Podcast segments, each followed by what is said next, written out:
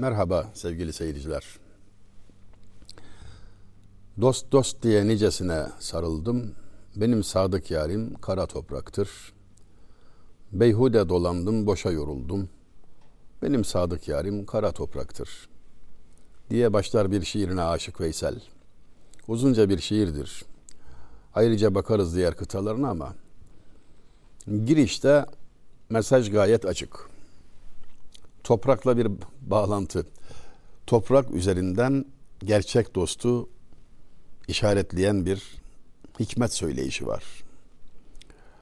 Hafız-ı Şirazi bir beytinde hasır üzerinde oturmamın sebebi o ki gözenekleri arasından sevgilim bana göz kırpıyor demektedir. Toprağın bize telkin ettiği tevazu, bereket, alçak gönüllülük, verimlilik, cefaya tahammül, vefakar oluş hayatımızın en temel değerlerinden biri olmalı. Oluklar çift, birinden nur akar, birinden kir diyordu Necip Fazıl merhum. Bu iki oluk birer kelimeyle izah edilecek olsa biri toprak, diğeri ateş desek yeri vardır. Şeyh Galip Üstad da çok değerli manifesto kıymetinde şah eserinde Adem'e muttasıl ol ta ki cüda olmayasın. Secdeler eyle ki merdudi huda olmayasın demektedir.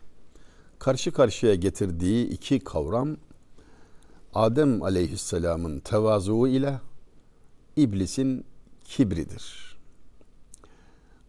Meseleyi ta başından almakta ve bizim babamızla irtibat halinde olmamız. Muttasıl ol diyor Adem'e yani baban Hazreti Adem aleyhisselama muttasıl ol diyor. İttisal et, ona ulaş, onun gibi davran, onu taklit et, onu takip et.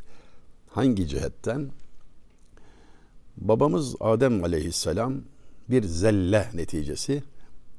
Orada hata kelimesini kullanmak hata olur.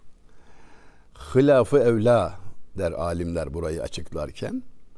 En iyi değil de iyi davranışa verilen isimdir bu. Çünkü peygamberin şanına layık değildir ki hata kelimesi kullanılsın.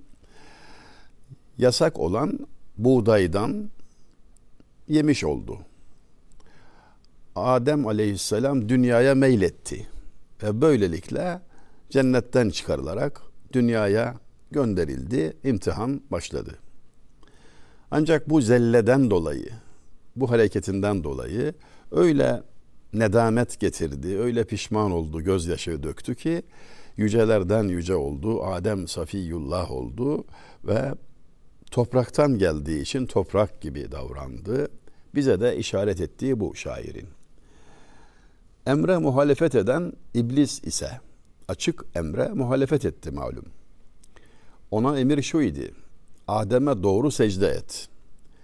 Burada tabi yine bir kavram kargaşasına yer verilmemeli. Secde Adem'e değil, secde Allah'a. Adem aleyhisselam o secdenin kıblesi.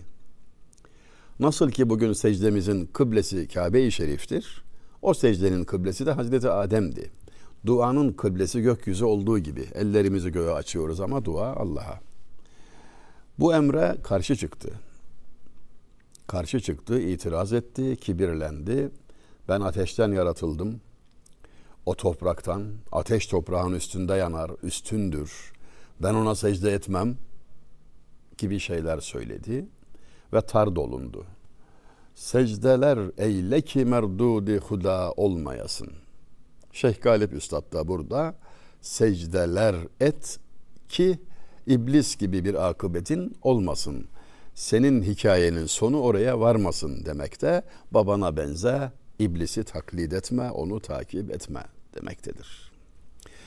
Görüyorsunuz ayrı ayrı üsluplarla söylenmiş de olsa böyle ateş meşrep olma hak olur bir gün ceset.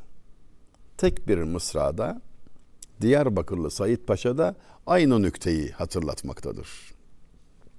Demektedir ki gırrelenmez ruzi ikbalin görüp ehli hıret. Her günü bir kadr eder takip her septi ehad. Pek de ateş meşreb olma, hak olur bir gün ceset. Seyli mevt ettik de berbad ömrü baht etmez medet. Müstakim ol, Hazreti Allah utandırmaz seni. Beş mısra okudum Said Paşa'nın harika eserinden. Şimdi birer birer kısaca ne dediğine temas edelim isterseniz. Gırrelenmez ruzi ikbalin görüp ehli huret diyor. Akıllı olan işlerinin iyi gittiğini görünce, başarılı olduğunu görünce yani yükseliyor, attığını vuruyor, makamlarda yükseliyor falan, öne doğru gidiyor. İkbal öyle demek, öne doğru gitmek demek. Tersi idbar, geri geri gitmek. İkbalini görünce gurura kapılmaz akıllı olan. Gırrelenmez ruzi ikbalin görüp ehli hıret. Ne olur da gururlanmaz, neden gurura kapılmaz? Onu hizaya çeken düşünce tarzı, tefekkür nedir? Şunu düşünür, ikinci mısrada onu veriyor. Her günü bir kadre eder takip, her septi ehad. Her günü bir gece izler. Her cumartesinin arkasında pazar var diyor. Yani bugüne bakılmaz. Hayalden ibarettir, geçicidir. Bugünün ızdırabı da, neşesi de kalıcı değil. Bunu bilir. Bunu bildiği için de gırrelenmez. Yok yere gurura kapılmaz. Dememiş miydi Hazreti Mevlana? Bir katır diyor. Yürüyordu öyle. Ovada, efendim çölde aniden idrarını boşalttı. Yerde bulunan bir çukurun içine biriken idrar birikintisi üstüne bir saman çöpü düştü. Saman çöpünün de üstüne bir kara sinek kondu. Bakıyor etrafına kendisinden başka kimse yok. Denizler hakimi, kaptanı deryayım dedi. O hale düşme diyor. Yani kişi gururlanırsa, gırrelenirse böyle komik bir vaziyete düşer. Kendini büyük zanneder. Ben kaptanı deryayım der, şu der, bu der ama aslında küçük bir birikintide zavallı, aciz bir varlıktır. Bunu unutmuştur, kibre kapılmıştır. Öyle olma der. Zaten insan gururlandığı, kibirlendiği zaman herkesin gözünde küçülür, böcek gibi olur. Kimse ona değer vermez. Kendini sadece kendisi büyük bilir. Gururla, kibirle tevazuyu şöyle karşılaştırmışlar. Tevazu o kadar büyük bir nimet ki, öyle büyük bir kazanç, öyle bir kemal noktası, kimse onu kıskanmaz. Tevazu sahibini kıskanan olmaz. Halbuki en büyük devlete nail olmuştur. Kibir de öyle berbat bir vaziyet ki ölümcül hastalık Allah göstermesin. Kibirliği acımadan cehenneme atarım buyuruyor alemlerin Rabbi. En kötü vaziyet ama ona da acıyan bulunmaz. Kimsenin acımadığı felaket kibir, kimsenin kıskanmadığı devlet tevazu. O denlu mürtefi bünyattır kasrı tevazu kim? Riyazı cenneten nezzare mümkündür zemininden. Çok yakışıklı söylemiş şair. Küçük gibi görünen, alçak gibi görünen tevazu evi, görünüşünün aksine o kadar değerli ve o kadar yüksektir ki, zemin katından cennet bahçelerini seyretmek mümkündür. Göründüğü gibi değildir. Çok değerlidir. Fakat işte insanlar Görünüşe bakıp aldanırlar genellikle. Kepenek altında aslan yattığını unuturlar. O günkü hale bakarak yani eğer ehli hıret değilse Said Paşa onu diyor işte. Gırrelenmez ruzi ikbalin görüp ehli hıret. Ehli hıret akıllılar demek. Akıl sahibi, iyi düşünenler demek. Onlar gururlanmaz. Eğer akılda noksan varsa insan ahmaklıkla malul ise o duruma kendini kaptırır Büyük bir şairimiz Edirneli Örfi Mahmud Ağa şöyle söylemiş. İçinde bulunduğun başarılı şartlar, güzellikler seni şımartmasın. Çünkü bindiğin kayıktan geçtim. O kayığın üzerinde yüzdüğü deniz dahi hayaldir. Bir hayal için övünmek ise akıllılık değildir. Sana yakışmaz diyor. Bugünkü vaziyete bakıp da gurura kapılmak, kibirlenmek, kendini bir şey zannetmek yakışmaz insan olana, aklı başında olana diyor. Çünkü yarın muhtaç duruma düşeceksin. Ruzigarın böyle eyyamından örfi olma şad. Keşti mihnet zeden bahri serab üstündedir. Örfinin beyti tam olarak bu. Ruzigarın böyle eyyamından, zamanın böyle günlerinden örfi olma şad. Yani mutlu olup, şımarıp, efendim ayarını bozma. Bugün işin iyi gidebilir ama e, yarın tatil. Yarın ne olacağı belli değil. Bugün bahar es, bitecek, bahar biter, yaz gelir, arkasından güz ve kış. Yani hale bakıp da bugünkü duruma bakıp da eğer şımarırsan mahcup olursun diyor.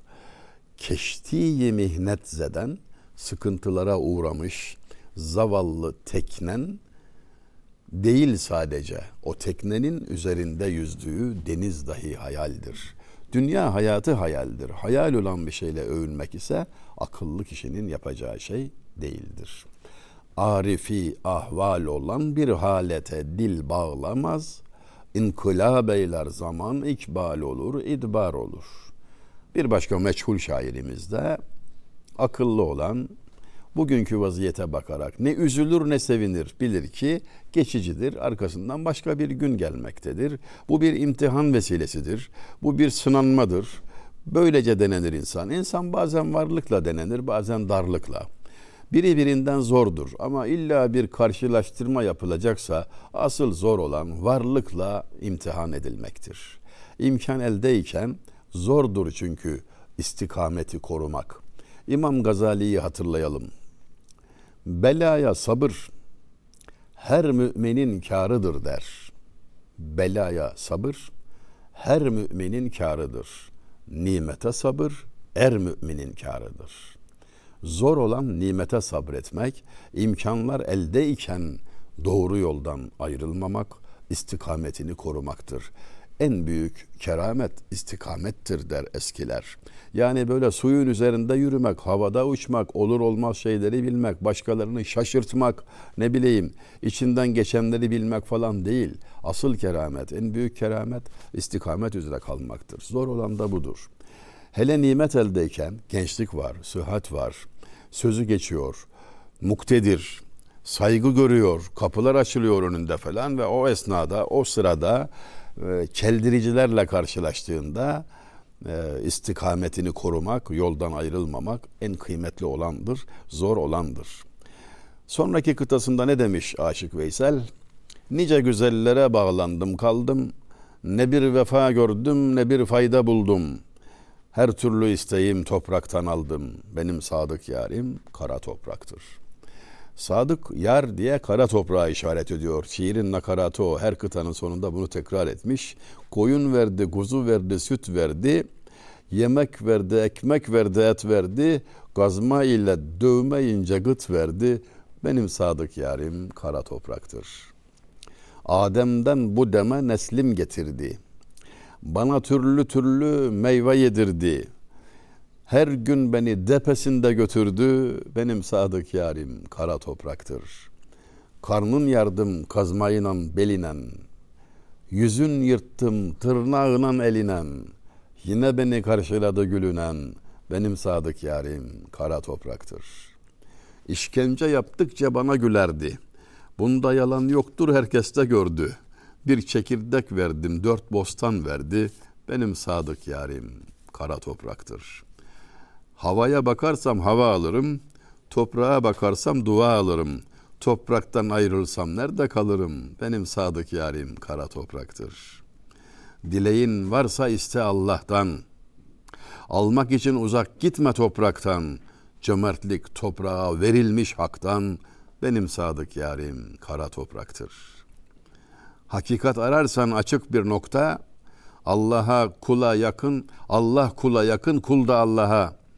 Hakkın gizli hazinesi toprakta. Benim sadık yarim kara topraktır. Benim kusurumu toprak gizliyor. Merhem çalıp yaralarım düzlüyor. Kolun açmış yollarımı gözlüyor. Benim sadık yarim kara topraktır.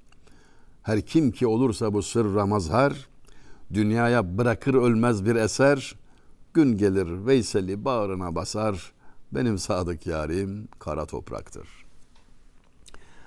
Şiirin bütününde ölüme güzel bir bakış açısını da görüyoruz.